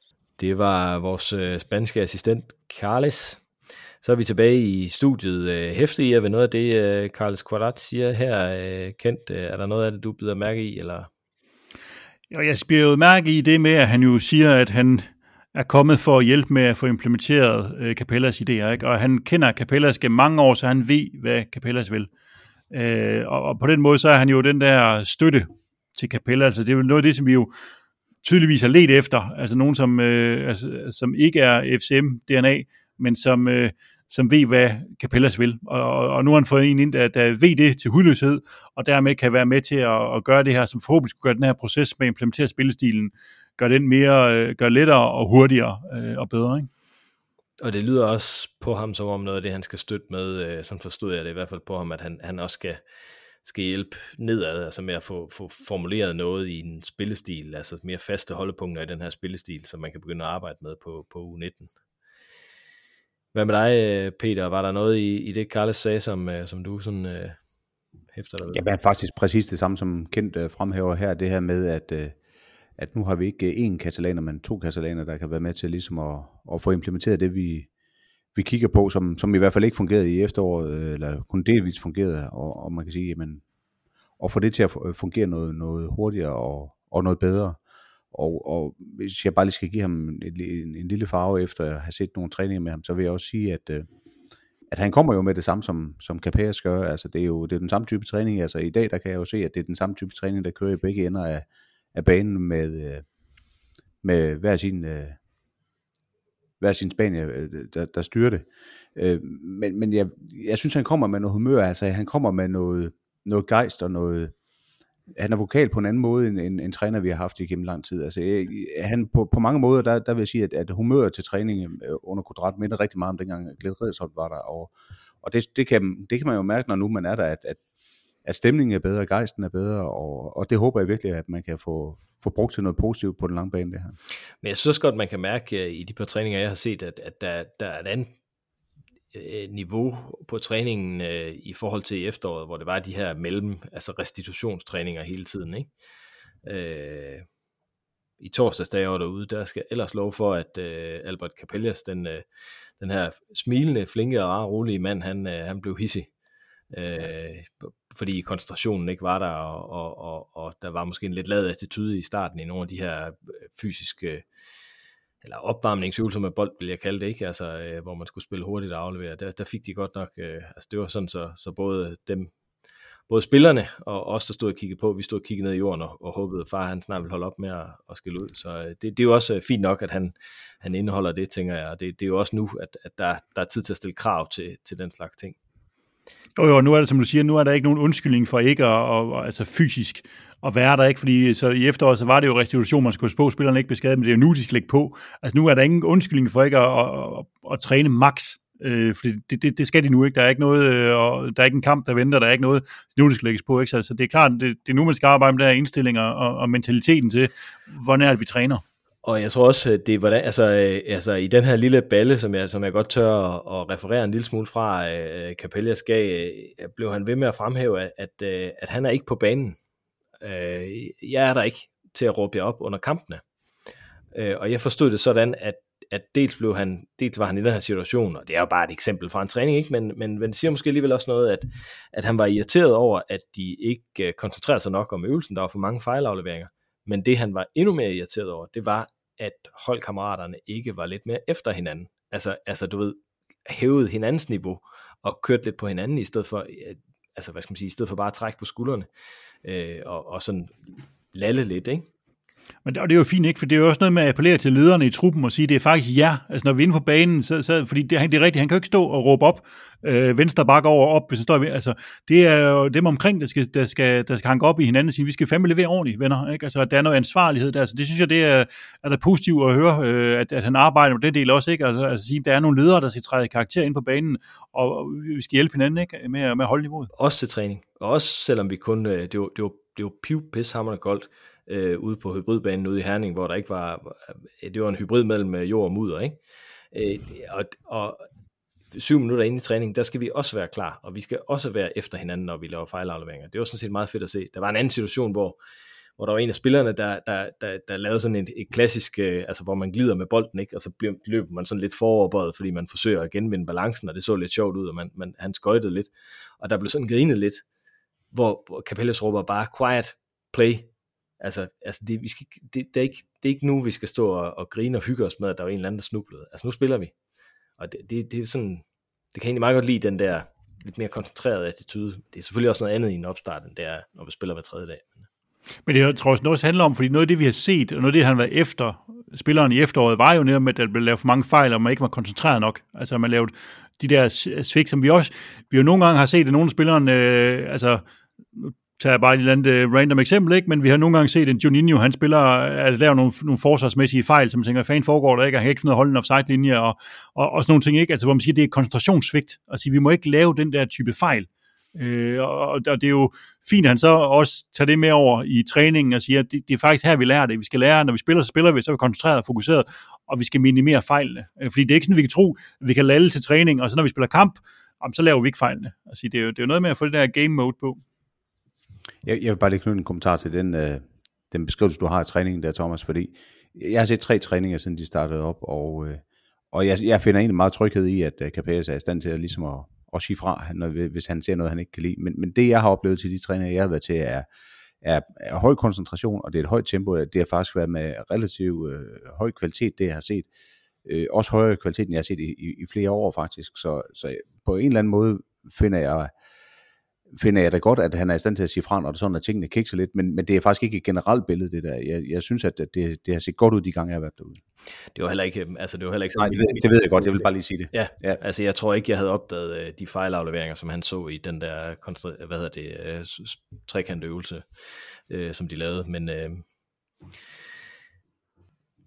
hvad, hvad, ja, vi kom egentlig fra uh, Carles Quadrat og, og de nye øh, uh, assistenttrænere. Uh, øh, hvad siger I egentlig til, til trænerstaben nu? Uh, altså, er det, er det skidt eller kanel, vi har skiftet så meget i den del af staben over det seneste år, tænker I?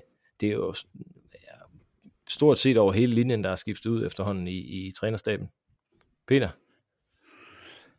Jamen, kontinuitet er jo ikke, øh, er jo ikke det værste, man kan have. Øh, og det har vi haft i mange år, og der kan man sige, at øh, at der var brønden måske også ved at løbe en lille smule tør på en eller anden måde, og, øh, og, og jeg har været rigtig glad for rigtig mange af de træner, der har, der har været den røde tråd, det har været, det har været Bakbak, og det har været Priske, som, som jo har været de røde tråde gennem flere sæsoner, og, og været garant for kvalitet og koncentration og de der ting. Men, men i og med, at man er gået noget anderledes til værks med, øh, med Capella, så synes jeg måske, det er meget frisk, at man, øh, at man får, får skiftet ud på de andre positioner også. Vi diskuterede det jo øh, kendt, øh, det her med, altså det, det, det, det her med den assistenttræner, eller de, øh, vi troede jo i starten, det var en, fordi det var Henrik Jensen, der var i spil til at skifte. Øh, Silberberg røg så også, men altså vi talte jo meget, vi diskuterede det her med, er det en Capellas mand, der kommer ind, eller er det en FC Midtjylland mand, der kommer ind? Ikke at der er en modsætning mellem det, men altså, hvor, hvor meget er man villig til fortsat at, at satse på Capellas projekt? Det har man jo gjort, må man sige. Det må man sige med, med Kvadrat, ikke? Altså, og, og det, jeg synes egentlig, der er, altså det, der er lidt underligt, det er jo det der med, at, øh, at fordi så har man Niels Lodberg som den anden, ikke? Øh, pludselig så kender vi jo ikke det der trænerteam på samme måde, som, vi, altså, som, som Peter siger, ikke? Så, så har der været Bak, og der har været Prisk, og sådan noget, altså nogen, som har været der gennem mange år, og lige pludselig også, når vi nu skulle skal planlægge det her, og skal, skal snakke med en eller anden derude, ikke? hvor vi er til at tage fat i nogle øh, assistenttrænere, fordi de, de er normalt til at få fat i, ikke? Jamen så, så Niels Lodberg, jamen fanden har lige nummeret på ham, ikke? Hvad fanden er han egentlig? Ham kender vi overhovedet ikke. Altså, hvor, hvor det er typisk været nogle, nogle trænere, som man på en eller anden måde har kendt og haft en eller anden relation til. Og lige så står det altså øh, Carles Kodrat og Niels Lodberg derude, siger, altså, som ingen af os jo altså kender. Så på den måde, så, så er de jo ikke, altså, vi har været vant til i Midtland, der har været den der, altså nogle kulturbærere, kan man sige, også på trænerbænken. Altså nogen, der har været der i mange år i klubben, og, og, og ligesom har øh, ja, FCM-DNA'et, når vi nu skal bruge floskler, ikke? Og, og på den, og de er lige pludselig væk, ikke? Altså, det bliver jo mærkeligt at stå ned og kigge på, på et uh, trænerteam, som så er Capella, som kun har været et halvt år, ikke? Og så Kvadrat og, og Lodberg, som siger, hvem, altså, det kunne lige så godt være en eller anden klub, ikke? Altså, som, som det, det er ikke Midtland, fordi det er ikke, der står ikke en bak-bak, der står ikke en, en eller anden, som man, ja. Så, så det synes jeg er lidt, for mig er det i hvert fald lidt, det skal jeg lige øh, øh, vende mig til, ikke? At, øh, at der ikke er den der Midtjylland-mand, at der virkelig er sådan mere et, et trænerteam udefra, fordi det, det har vi jo ikke haft i, øh, ja, hvornår har vi sidst haft det, hvor hele træningsteamet udefra? Har vi nogensinde haft det? Det er jeg faktisk nej, ikke uh, sikker nej. på. Nej, det, det kan jeg sgu egentlig heller ikke huske, men jeg tænker, at det er nogle mål og nogle point på kontoen, så skal vi nok lade alt det der, og, og der er jo præcis lige så meget FC Midtjylland i de der tre gutter, som der var i Bo Henriksen. Everything what we do at the end is for the fans. They have to feel proud of the team. They have to feel proud with the performance, with the way that we play. They have to feel identified with the way of playing of the of the team. Football is entertainment and we have to make that happen. And of course we have to win. If you win, is even more entertainment. Vi tager lige en uh, hurtig snak om træningskampen mod uh, Odense i uh, morgen. Kampen spilles på EDC Arena i IKAST kl. 13, og der spilles så 2 gange 45 plus 30 minutter for at få flest uh, mulige spillere uh, i gang, få minutter i, i benene til hele truppen. Hvad forventer I at se i den her kamp, uh, Peter? Et, et målårge? Det ville fandme ikke gøre noget, altså hvis det var, hvis det var de uh, sort bluse, der lavede dem, så ville det ikke gøre noget. Altså jeg forventer at se noget af det, jeg har set på, på træningsbanen i dag, sådan nogle, uh, nogle angrebsåbninger, hvor man spiller på tredje mand, og, og nogle afslutninger inden for rammen, det må jeg sige, det, det, det er nok det, jeg forventer at se. Det er det offensive? Ja, det er det. Kent, har du nogen, øh, har, har vi nogen, nu talte vi om uh, Gigovic, uh, Martinez, Olsen, placeringerne, øh, for lidt siden. Øh, har, har du andre steder på banen, hvor vi sådan skal se, hvad der sker? Det var Gardenman, der spillede ved siden af Svirchenko i Hamburg, ikke? Jo, jo. Jo, så, så der er nogle af de der, altså nu spiller vi de der 120 minutter, ikke? Så, så det er også interessant at se, hvordan er det, vi stiller op. Altså, stiller vi op i noget, der kan ligne stærkeste? Øh, altså, eller er det, er det lidt sådan blandet hold, vi kommer med? Det, så det, det er jo nogle gange det, er interessant at se, hvem er det, man spiller ind, hvorhenne? Øh, det synes jeg bliver, bliver spændende at se, ikke? Men så håber jeg ligesom Peter og altså se lidt mere øh, et offensivt udtryk, ikke? Fordi det, øh, nu er det træningskamp, og man skal ikke lægge for meget i det, og, og sådan er det jo ikke, og for, i St. Pauli var den første træningskamp, men, men det kommer bare ind i, når det så kommer i forlængelse af et afslutning på et efterår, hvor vi var øh, pivelendige offensivt, ikke kan sætte noget sammen, så ender det bare med, at i stedet for at det bliver en frisk start, så bliver det sådan en fortsat fortælling om, at vi har problemer offensivt, når vi så samtidig kobler det med, at vi har solgt både Drejer og, og Evander, ikke? Så, så jeg, vil, jeg vil godt have lidt, altså, for mig ville det være rart, hvis der lige øh, kom nogle, nogle gode offensive takter, og så man kunne se noget mønster, som siger, okay, vi tror på, at det her, som, som de arbejder med på træningsbanen, det kan vi få ud i, i kamp, ikke? fordi vi vil bruge for ligesom at få en offensiv tillid, kan man, kan man sige. Ikke? Der kan man jo sige, at der har vi simpelthen taget konsekvensen, og så har vi simpelthen solgt dem, som vi troede skulle score i slutningen af efteråret, men som ikke scorede så meget i slutningen af efteråret. De er simpelthen væk nu. Ja, så nu har vi ikke nogen, der scorer overhovedet. øhm, er der nogle spillere, der skal ind og bevise noget mere, end det de gjorde i Hamburg i, i, i lørdags? Øh, er der nogen, som, som vi var lidt skuffet over der, som skal, som skal vise noget nu? Det skal de vel i princippet, princippet lidt alle sammen, skal de ikke det? Altså det, det er jo... Er det de offensive folk, der skal ind og vise det? Altså jeg, jeg vil sige, det er måske rigtig meget udtrykket og, og, og, og ligesom det, der peger fremad i, i, i måden at spille på, der skal, der skal vise sig her. Ikke? Også, altså, jeg tror, Valdemar siger tidligere i interviewet, at, han, øh, at de begynder at finde noget tryghed i den her måde at spille på, og det er den del, jeg gerne vil se. Det, det, er, nok, det er nok det, jeg har brug for. Og så kan man sige, at Heiselberg, der fik en start nede i St. Pauli, ikke? men jeg tror ikke, han kom frem til en eneste afslutning, også fordi, at at det var pivelendigt indlæg, der blev lagt ind mod ham, ikke? han fik heller ikke noget arbejde med, ikke? Altså, men jeg tror, at hvis han ligesom er kommet tilbage for ligesom at kæmpe for en plads og, og vise, at han skal være her i foråret, så tror jeg da gerne, at han vil vise uh, lidt mere, komme frem til lidt mere, end, uh, end han gjorde. Ikke? Er der flere pointer omkring uh, den her OB-kamp? Den vises jo på uh, TV MidtVest med uh, kompetent uh, kommentering, uh, den Hirs Sørensen. Jeg er spændt på, Jamen, Elund, der er Claus Elund, der tidligere ikke, synes... der er med på, på sidelinjen også der. Og der synes jeg i hvert fald, det skal vi også godt lige øh, give thumbs up til, øh, til Midtland og til Midtvest for at lave den der øh, aftale. Det synes jeg, det er ekstremt fedt, ikke? Fordi nogle gange så er det lidt øh, shot i streams, man får set de der øh, træningskamp på, hvis de hovedet uh, øh, sendes og sådan noget. Ikke? Så, så det her, det, det, det synes jeg, det er rigtig fedt, at man har lavet øh, det her og prioritere og, og få sendt det der, for jeg tror sådan set, der er mange, der gerne vil, vil se det. Øh, og, og så det synes jeg, det, det er, er godt tænkt at få, få lavet det. Jeg ved ikke, om det er en, en verdenspremiere med træningskamp på lokal tv. Så status FC Midtjylland, verdensklasse. Det var alt, hvad vi havde til denne gang i Sort Snak. Vi er tilbage igen på tirsdag, hvor vi følger transfermarkedet indtil vinduet lukker til midnat. Vi forventer at lave udsendelser hen over dagen på Twitter Live, som vi gjort et par gange i løbet af efteråret. Øh, Kent, skal, vil du tilføje noget til mit nedlæg på den, eller kommer der, vi skriver vel et eller andet ud, gør vi ikke det? Jo, vi, vi, det er ikke helt planagtigt i detaljer nu, men, men vores plan er at følge, øh, altså vi laver ikke sådan en, øh, ligesom andre gør, hvor de sidder i og, og skal, skal holde øh, det hele kørende i fire timer og snakke. Vi, øh, vi prøver at gøre det, at vi er der, når der sker noget, og så går vi live øh, på, på Twitter. Jeg tror, vi, vi planlægger nok at starte med en eller anden øh, sådan forventningsting om morgenen, og så går vi ellers live i løbet af aftenen, når der sker noget, når vi hører noget. Øh, og, øh, og så runder vi det hele af, øh, når, når, det, når det er sådan ved at være slut. Ikke? Så, så der, det bliver lidt, øh, man skal følge med på vores sociale medier øh, for at følge med der, men øh, vi skal nok lave noget i hvert fald, som, øh, som forhåbentlig bliver rigtig festligt og, og, og sjovt, og især hvis der kommer en masse transfer. Ja, vi kan vel godt sige, at vi, vi har lagt programmet efter, at der i hvert fald kommer en, en midterforsvar, der kan spille med bolden op igennem kæderne, og så en, en 8'er, og måske en kantspiller og en 9'er, ikke? til startopstillingen. Ja, sådan øh, en 7-8 transfers ind til startopstilling, ja, det er det, vi, det, er det, vi regner med. og så sælger vi en 7-8 øh, midterforsvar. øhm, tak til vores sponsor Spanor i Herning for at bidrage til, at vi kan lave podcasten, og til alle jer, som støtter os løbende gennem et abonnement på tier.dk eller gennem enkelte donationer via MobilePay på nummer 600508. Husk, at du kan følge podcasten på Facebook og Twitter under profilen Sort Snak Podcast. Tak fordi I lyttede med. Vi ses på stadion. Og der skal jeg huske at sige, at øh, den første, øh, forårets første kamp, det er jo på stadion nede i Lissabon, og der er spillerne gået sammen om at give billetten til selve kampen, til, øh, til den her sportingkamp. Så øh, der er der lidt at spare, hvis man har lyst til at tage der øh, turen derned for at støtte øh, Midtjylland i Europa League. Tak for jer. Yeah.